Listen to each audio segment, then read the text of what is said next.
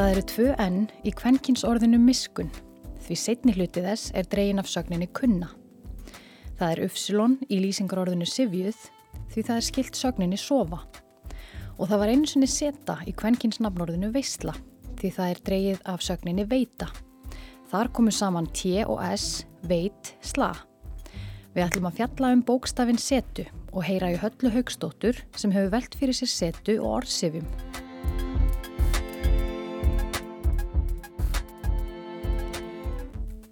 Þú ert að hlusta á orðaborði og við erum Anna Sigriður Þráinsdóttir og Guðrún Lindberg Guðjónsdóttir.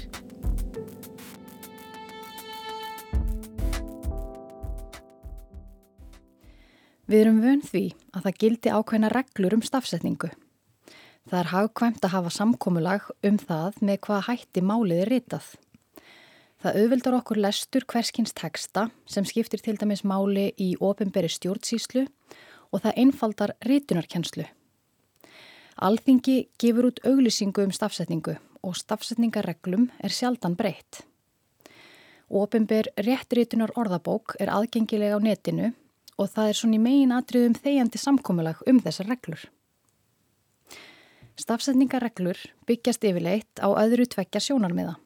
Uppbrunna sjónarmiðinu, þar sem stafsetning ræðist að mestuleiti af uppbrunna orða eða framburðarsjónamiðinu, þar sem stafsetningin er meira í samræmi við framburð orðana. Uppruna sjónarmiðið er ráðandi í íslenskum stafsetningarreglum. Það eru til dæmis tvö enn í kvenkinsorðinu miskun því setni hluti þess er dregin af sögninni kunna. Og það er uppsilon í lýsingarorðinu sifjuð því það er skilt sögninni sofa. Á 19. og 20. öld var hart tekist á um hvernig skildi haga stafsetningu og endanum varð uppruna sjónamiðið ofan á. Það er einn megin ástæða þess að uppsilon er enn notað í íslenskri stafsetningu og líka megin ástæða þess að seta var notuð fram á síðara hluta 20. aldar. Uppruna sjónarmiðið er íhaldsamt í eðli sínu og almenningur er líka íhaldsamur og vill sem minnstar breytingar á stafsetningu. Tilraunum til að gera meiri háttar breytingar á stafsetningunni hefur undantekningalöst verið hafnað og jafnvel minniháttarbreytingum hefur ákaft verið mótmælt. Fjölnismenn með málfræðingin Konráð Gíslason í brotti fylkingar bóðuðu stafsetningar byltingu, ef svo má segja, í fyrsta hefti fjölnis árið 1836. Konráð raukstutti og útskýrði reglurnar í langri grein í fjölni sem nefnist þáttur um stafsetning. Hann vildi færa stafsetninguna að framburðinum sem fóli í sér að íslenska erði skrifuð eins og hún er borin fram. Því fylgdu umtalsverðar breytingar. Sú breyting sem hafði einna mest áhrif uh, á ásýnd réttmálsins var brottfall Ufsilons sem ekki hefur sérstakt hljóðgildi í íslensku heldur er hann borin fram eins og e. Bókstafurinn seta hefur oft átt undir högg að sækja og Konráð vitnar í lestrarkennslubók eftir Árna Helgason stiftprófast í Görðum og Altanesi sem segir að setu og x þurfi ekki í íslensku. Konráð er sammála því og segir að seta megi missa sín, ekki síður en sé, q og x, því enginn hveði að henni öðruvísi en essi. Áður en kennslu hver Árna Helgasonar kom út, hafði Rasmus Rask gefið út lestrar hver handa heldri manna börnum.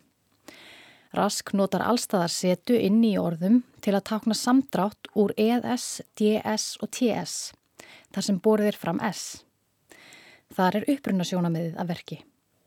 Eflaust hefur það ekki vafist fyrir börnum að lesa setu sem S, frekar hann það vefst fyrir nokkrum að lesa uppsulon sem I. Aftur á móti vandast málið þegar kemur að því að draga til stafs. Þar verða börnin að þekkja uppbruna orða til að vita hvar á að skrifa setu og hvar ekki.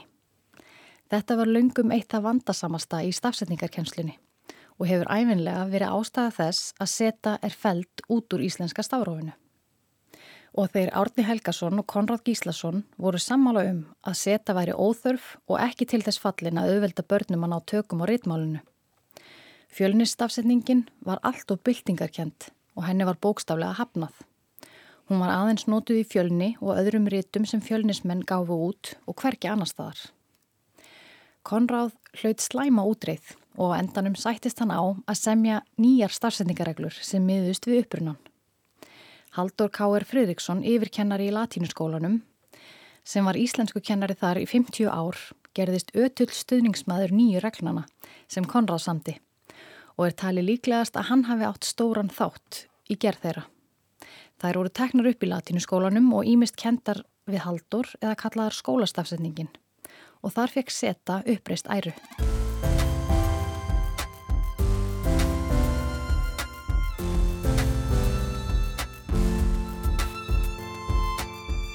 Árið 1929 byrtist auðlýsingum stafsetningu og þar með voru settar ofinberra stafsetningareglur.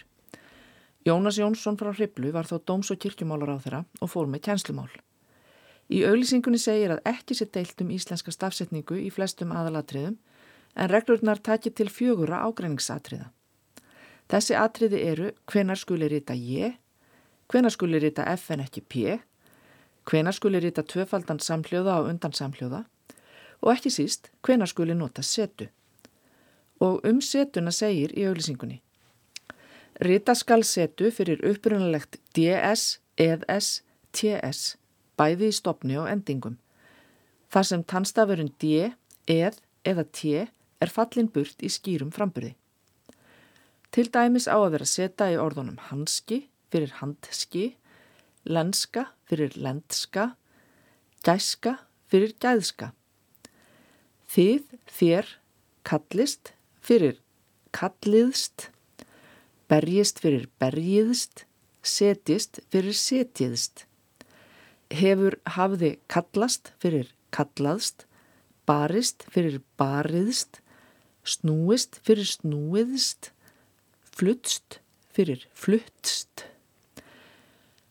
breytst fyrir breytst, hittst fyrir hittst, stistur fyrir stittstur, hans sest fyrir setst, brist fyrir brítst og flist fyrir flittst. Freystedt Gunnarsson gaf út bókina Ritreglur árið 1929 og hún er byggð á ritreglunum í auglýsingunni. Reglur um setu voru óbreyttar þar til hún var afnuminn með auglýsingu í stjórnartíðindum hausti 1973. Auglýsingin var jafnframt byrt í dagblöðum og hún allir vægast sagt miklu fjadrafóki. Í henni kemur fram að reglur um afnámsetu skuli gilda um stafsetningarkjenslu í skólum, um kjenslubækur, útgefnar eða styrtar af ríkisfið og um embættisköpn sem út eru gefinn. Í öðrum liðu auðlýsingarinnar segir einfallega ekki skal rita setu fyrir upprunalegt tannhljóð, það er D-E-T plus S, þar sem tannhljóðið er fallið brott í eðlilegum frambyrði. Svo fylgja leiðbenningar um hvernig skuli skrifa orð þar sem tannhljóðu helst, hvort sem það heyrist í framburði eða ekki. Við förum ekki út í þau smáatriði hér. Í þriðja lið auðlisingarinnar kemur fram að reglur um afnám setu auðlist þegar gildi og jafnframt eru numdar úr gildi reglur um setu í stafsetningareglónum frá 1929. Það var svo ekki fyrir en 1974 sem nýja stafsetningareglur tóku gildi og voru reglur um afnám setu innleimaðar í þær. Afnámi setu var harkalega mótmælt í greinum og blöðum og víðar. Einn upplugasti andstæðingur afnámssetu var Sverrir Hermansson, alþingismadur, sem skrifaði greinar í dagblöð til að mótmæla því og hjælt uppi málþófi gegn því á alþingi. Það verður eindir að teljast sérstakt að það skildi verið tekin ákverðunum að afnema setu með sérstakri auglýsingu áður en nýja stafsendingareglur voru settar. Mögulega var það gert til þess að hægt væri að hætta kjenslu á reglum um setu í barnaskólum þegar veturinn 1973 til 1974. Víst er að ennuru þau til sem sirkja afnám setunar og finnst íslensk stafsetning hafa sett niður við það. Þótt nú sé að verða liðin hálf öld síðan þessi breyting var gerð á stafsetningareglunum. Þau geta huggað sér við að stafsetningareglur eru ekki lög. Þar gilda um stafsetningar kenstu í skólum og útgefið efni á vegum hins ofinbera eins og segir í núgildandi auglýsingu um setningu íslenskra rittregluna númer 695 frá 2016. Það þýðir að öllum er í raun frjálst að nota þá stafsetningu sem þeim hugnast best, annar staðar en í skólum og ofinberum vettvangi. Þannig getur fólk ákveðið að nota setu ef það vil eða hætta að nota uppsilon ef því sínist svo. Það þýðir vissulega líka að reglur sem hafa verið afnumdar eru ekki lengur kendar og því lærir fólk ekki í skólum að nota setu. Aftur á móti er auðvilt að leita upp í slíka fræðslu á netinu fyrir þau sem hafa áhuga á því að tilenga sér þessar reglur. Þrátt fyrir það getur við líklega sammælst um að það er gott að hafa samkómulag um hvernig rítun málsins skuli hátað og því fylgja flestir fjölmiðlar ofinbyrum stafsendingareglum og það sama má segja um bókaútgefendur. Ríthöfundar hafa þó alltaf ákveði frelsi og öllum leifist að hampa servisku sinni og breyta frá viðteknum rítætti. Það er áreðanlegt að með afnámi setu var korki ætlunin að gera útlitt rítmálsins svip minna, nýheldur að rjúfa tengslinn við uppruna orða. Enda má ljóst vera að þau tengsl voru lungu rófin, enda var kennsla setu erfiðasta viðfangsefnið í stafsetninganámi. Tilgangurinn var fyrst og fremst að færa stafsetninguna nær framburðinum í þessu eina tiltekna og mjög svo erfiða viðfangsefni í stafsetninganámi.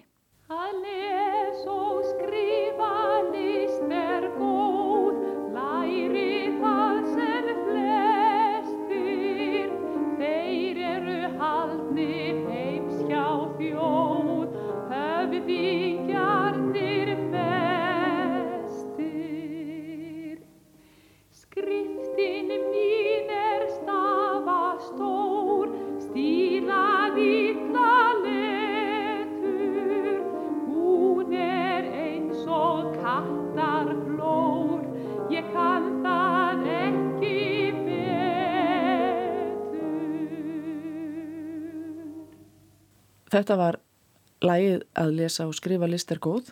Þurriður Pálsdóttir og Jórun Viðar fluttu Jórun samt í lægið. Halla Haugstóttir er með B.A.próf í almennum málvísindum frá Háskóla Íslands og spurningin hvenar glataði bókstafurinn seta sjálfstæðu hljóðgildi sínu lág til grundvallar lokaverkefni hennar. Við fengum hana til að segja okkur aðeins frá því. Rítkernum fjallaði ekki um það svona í rauninni hvenar það gerðist þó að teitillin sé sá en ég var í rauninni, þetta kallast svona rannsóknarsögulega aðtögun, ég var sérst að aðtöga heimildir og á hverju fræði menn byggja þegar þeir segja að hún hefði glatað sjálfstæði hljóðgildi sinu og svona farið að tákna S á 13. öld. Út af því að það hefur verið talað um að fræði menn greini á um það, þannig að þetta var svona, ég var í rauninni ekki að reyna að komast nær aldrei breytingarinnar í ríkirinni, en ég var svona að aðtöga á hverju á hverju þetta byggt sem fræðimenn segja um breytinguna. Það er svona spurning hvort maður er yfir höfuð eitthvað að tala um ágreining. Um, það er frekar þannig að þegar skrifað er um breytinguna að setja verði S að þá er þetta alltaf svona, þetta er hlut af stærra riti sem hefur annað markmið en það að svifta hulunni yfir hérna, sérsta huluna því eh, hvernar setjum fór á dagna S þannig að þetta er oftast bara svona einn klausa, tala mjög almennt. Þannig að það var frekar eiginlega niðurstaðan að þetta er svona, svona vítt orðalag, almennt talað. Ég, ég, spyr, ég spyr allan í lóking hvort það sé endilega passandi að tala um ágrinning Er þetta sambærlegt því að við skrifum enn þá uppsilón? Já, sko máli með þetta er svo skemmtilegt að það eru 50 ár síðan setan var, tæplega 50 ár síðan setan var lögð af þá var ekki lengur gerð svo krafa að Íslingar kynnu skila og hvar skildir þetta S og hvar seta. Það er, svo krafa er ennþá gerð að við vitum hvað á að vera vennlöti og hvað á að vera öfsulunni og það er um eitt svona bara skipta skoðunar á því hvað fólki finnst um það. E, það hefði líka líka ekkert þannig að hér, við ættum í dag að kunna skil á mismun, tveimur mismundi tegum að ægi. Það hefði alveg geta bara verið hérna raunveruleiki okkar í dag að þurfa að vita já, býtu, þarna líkur áabaki eða þarna líkur óabaki. Þannig að það er svona það er alveg aldrei randum hvað við þurfum að vita í dag. Við þurfum að vita þetta með auðslunni en skemmtilegt að velta fyrir sér hvers vegna auðslunni og hvers vegna setan hafi ekki haldist eða, eða þessi ægi Þessi tvö ægi eru annars vegar svo kallaður OE-límingur sem var í forníslensku borin fram með sérhljóði sem gæti hafa hljómað svipað og Ö í nútíma máli. Og hins vegar AE-límingur. Ö-framburðurinn sem var áður táknaður með OE-límingnum hefur vikið fyrir tvíhljóðinu Æ. Bókstafurinn Æ í nútíma stafsetningu hefur sem sagt tvennskonar uppruna sem er ekki sínilegur lengur en tveir ólíkir bókstafir endurspegluðu hann áður. Þetta er einmitt dæmi um að stafsetning hafi færst nær framburði og fjarlægst upprunnan þar sem eldra hljóðgildi var horfið úr framburði og því ekki lengur ljóst hvena skildi nota hvort staf og annar þeirra fjall brott úr rítmáli. En þetta gerðist lungu áður en farið er að gefa út ofinberar auglýsingar um afnám tiltekina bókstafa.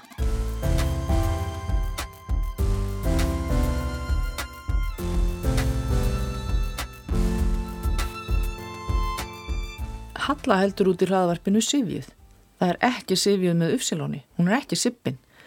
Heldur vísar titillin til viðfangsefnisins Orð Sivja. Ertu mikil áhuga kona um orðsifjar? Já, ég er það, sannarlega. Ég hérna hlifti þessu hlaðarpi á stokkunum í janúar 21 og þetta hefur verið bara ótrúlega skemmtilegt. Ég fann íslenska orðsögabók Áskis Blöndals að tilviljun heimi á mér eh, eitthvað kvöldið og fór eitthvað að bladra og, og hafði kannski alltaf vitað að orðsögjar væri eitthvað sem að hérna svona vekta áhuga minn en, en ég eitthvað neinn glemdi mér í þessum lestrið þetta kvöld og ég held að ég geti sagt að það hafi svona hugmyndin kviknað. Þannig að já, þetta er bara búið að vera rosa gaman. Þetta er sem sagt um, örhlaðvarp, þetta er bara svona 10-15 mínúna þættir um uh, orðsefjar, um ég vel mér bara skemmtilega orð sem að hafa svona gripið auða mitt og, og reyk svona ferðir þeirra. Já, þetta virðist svona, virkar svona stundum handahóskent, ég er nú ekki búin að hlusta alla þættina en eins og fyrsti þátturðin, þar sem þú rínir í orðin afmæli og öryggi. Þa, það var eiginlega svona þáttur alveg án þema sko, síðan hef ég svona kannski aðeins reynd að hafa þema í þáttunum en, en það var einmitt, það var bara tvö orð sem að ég hafði ekki leitt hugan að eh, upprannalegu hugmyndinu sem láða baki og, og þá hugsaði já, kannski, kannski, kannski eru fleiri sem hafa ekki gert það. E, og þá sagt, tók ég þessi tvö fyrir afmæli e, sem náttúrulega hverjustu það við að tíminn mælist af okkur í hvert sinn sem við hérna, eigum ammali og, og svo er það öryggið sem er um, í grunninn þýðir það að vera án óta ör er hérna neikvægt fórskeiti e, og ekki er leitt af uggur. Þannig að þú ert með þess að sagt að þú ert ör uggur þá ertu í raun og veru án óta Upprunni og merking orðana heimskur, aragrúi og herbergi vöktu aðtikli höllu og hún fjallaði um þau í hlaðvarpinu. Heimskur er sá sem er heima alinn, sá sem er bara heima hjá sér, hann bregður sér aldrei af bæ og er því reynslu lítill. Aragrúi er mikill fjöldi en er dreyið af nafnorðinu ar sem merkir ríkkorn í sólargeisla. Aragrúi merkir sem sagt fjöldi ríkkorna í sólargeisla. En í yfirfærðri og almennri merkingu er aragrúi mikill fjöldi af einhverju hverju sem er. Orðið herbergi er gamalt í málinu og merti skíli fyrir hermen eða aðsetur staður hers. Halla bendir á hvernig merking orðsins herbergi hefur fengið á sig allt annan blæ í tímans rás. Það sem áður átti við um byrgi hermana er í dag notað á hlutleysan hátt, til dæmis um barnaherbergi. Orð sem áttu aldrei að verða til. Þar er ég að fjalla um þessa tilneying okkar málnótenda til þess að miskilja skiptingu í orði e, og það er alltaf alltaf skemmtilegt eins og, eins og að halda að morgunsár sé sár að þetta sé ekki ár morgunsins. E, að og kannski ekki endilega miskilja heldur líka bara sko að leiða hugan ekki að skiptingunni og hafa aldrei spekulirað neitt í orðlutum Já, og þá kannski gefa sér það bara í huganum að, að skipta orðinu eins og martröð í martröð Já. en ekki martröð. Akkurat, martröð. Hérna algjörlega, út af því að martröð er í grunninn eitthvað sem að lýsir því að mara sem er svona einhver ill skeppna komið til henni í söfni og leggist ón á þig og það er svona áttu svona aðrið með söfn og það svona dreymir þig svona Hún treður þig í söfni Hún treður þig í söfni, já, nákvæmlega Þú talaðir við Þóru Stengrimsdóttur fæðingarleikni hvaða orð og orðtök voru undir í þeim þætti? Við töluðum um, um pregnant til dæmis og um, sem er lit af sagt prægnans komið þaðan sem þið er sagt fyrir, fyrir það að fæðast, fyrir baspurð. Við hérna, byrju, jú, við hana var ég reyndar að tala um sko lingóið á kaffistofunni. Mér langaði til þess að heyra hvernig fæðingalæknar og ljósmaður og fólk á kvennadelt e, töluðu sín á milli. Hún talaði um að það er, það er mikið talað um að konur séu ófættar eða fættar. Já. Þannig að þau breyta, sem sagt, það er ekki það að það er fæði heldur að það er eins og þær séu fættar. Já. Það var eitthvað svona sem hún nefndi, ég maður það var eitt sem við glemdum að tala um í þættinum og ég hefði viljað hafa með. Mér hefur alltaf fundist þetta alltaf skemmtilegt að tala um að þegar konur eru settar að stað, þegar það fær í gangsetningu, þá er stundum talað um hérna framköllun fæðingar, Já. þá eru það í framköllun konunnar, Já. ég fannst alltaf skemmtilegt.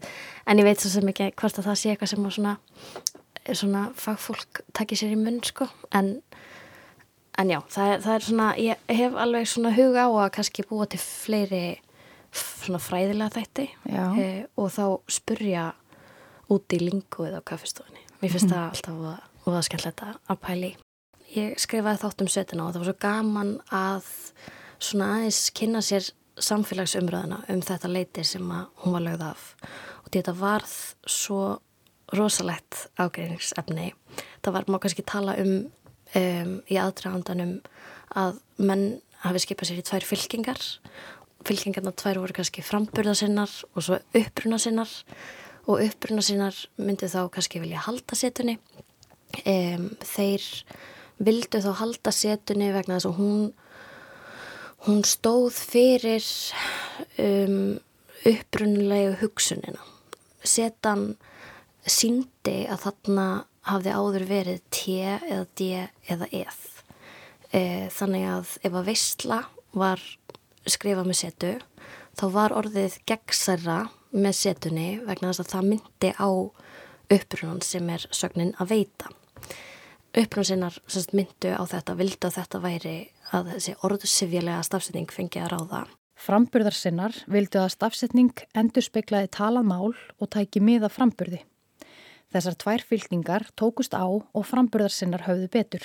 Í þessu grúski mínu uh, að þættinum þá lærði ég svo margt um setuna og hvað hún stóð, hún táknaði upprunalega sem er þetta TS hljóð, bara eins og við þekkjum úr pizza í dag. Setan stóð upprunalega í íslensku fyrir þetta tse og í fjallum þetta í þættinum sem sagt fræðimenn hafa, eins og við töljum um áðan, þá er, þá hefur verið sagt að þeir hafi skiptar skoðanir á aldri þessara breytinga hvenna seðan fór að tákna S sem að ég svona setja aðeins spurningamerki við í reykirinu minni en máli er það að flestir hafa tímasett þessa breytingu að setja verið S strax á sko 13. öld og um, það er náttúrulega mjög snemma í málinu. Við erum að tala um það að handrita hefð, íslensk handrit eru ekki tímasett neitt lungu fyrir tóltuöld sem þýðir að það eru bara okkar allra elstu handrit sem geta sínt sem eru frá þeim tíma sem setan táknaði TS og mér fannst bara svo ótrúlega merkileg staðrind að það eru bara tæplega 50 ár síðan hún var aflögð. Þannig allar þessar aldir hefur hún bara táknað S. Ef, ef þetta er mitt rétt hún hafi bara strax verið að tákna S e, á 13. öld. Og það var kannski bara svona það sem að fekk mig til að skrifa frá byrjun sko að, hérna, að hún hafi geta haldist án þess að tákna sérsta hljóð í Já. fleiri, fleiri aldir. En eru, eru ekki einhverjir aðrir þættir sem spila þar inn í eins og bara, hérna, bara saga stafsetningar? Jú, jú og, og væntanlega líka bara svona vilji fólks til að hafa máliðins gegnsætt og hægt er. Já. Þeim fannst setan ennþá gegna hlutverki í reitmáli þó að hún var hægt að vera hluti af, af talmáli. Þú nefnir uh, það sem kemur fram í fyrstu málfræðiritgerinni, Mm -hmm. í ritgerinni. Einmitt, þar eh, skrifar maður sem er stundu kallaður fyrsti málfræðingurinn. Hann, hann hérna gerir þar tilrönd til þess að setja Íslandingum stafróf. Það er almennt talað um að þetta hafi verið skrifað svona á bylinu 1125 til 75 og þar sem sagt um, segir hann svona sína skoðun á því hvort að setja hann eigi að vera eða ekki og hann vill í rauninni ekki hafa hana en, en rítarar sem sagt fóru ekki eftir því Og þetta er á tóltuöld. þetta er á 12. öld, já þá taknar hann þá TS Já. en hann vill að það sé bara skrif, að tveir stafir séu skrifaðir Og það einfaldi. já, í raun að veru sko henni, hann fast ónæðsilegt að að taka nýtt tákn það- þegar, að, þegar stafinu væri til sem hægt verið að tákna það með hljóðið Var það eitthvað þannig að, að setja var eitthvað aðeins öðruvísi en TS í framburði? Hefur þetta alltaf verið það, nákvæmlega bara TS? ég fjalla aðeins um það í reykjurinn það eru, það eru líka skipta skoðanir fræð, fræðmanna á því hvort um, til dæmis það sem að eð og s lágu til grundvallar uh, hvort að þar hefði hljóðið orðið að TS eða hvort að eðs eða svona þottnes hefði bara haldist. Þannig að það var svona eitthvað sem að ég fór inn í reykjuraskrifin með þá hugmynd að fræðimenn hefði ólíka skoðanir á því hvernig setan verða essi en það kom eiginlega á daginn að það var kannski frekar hægt að tala um, um skipta skoðanir uh, í tengslum við hvort að TS hafi alltaf verið uh, hljóð setunar. Ég held að ég geti sagt að það sé svona alveg almennt uh, að það er almennt talið hjá fræðmennum að, að hljóðgildi eða það sem að setja táknaði hafi stundum verið uh, eðas eða þóttnes ekki alltaf TS vegna svo kallara svona áhrifsbreytinga. Þetta var orð af orði. Tæknimaður var Kormakur Marðarsson, Anna og Guðrún Kveðja.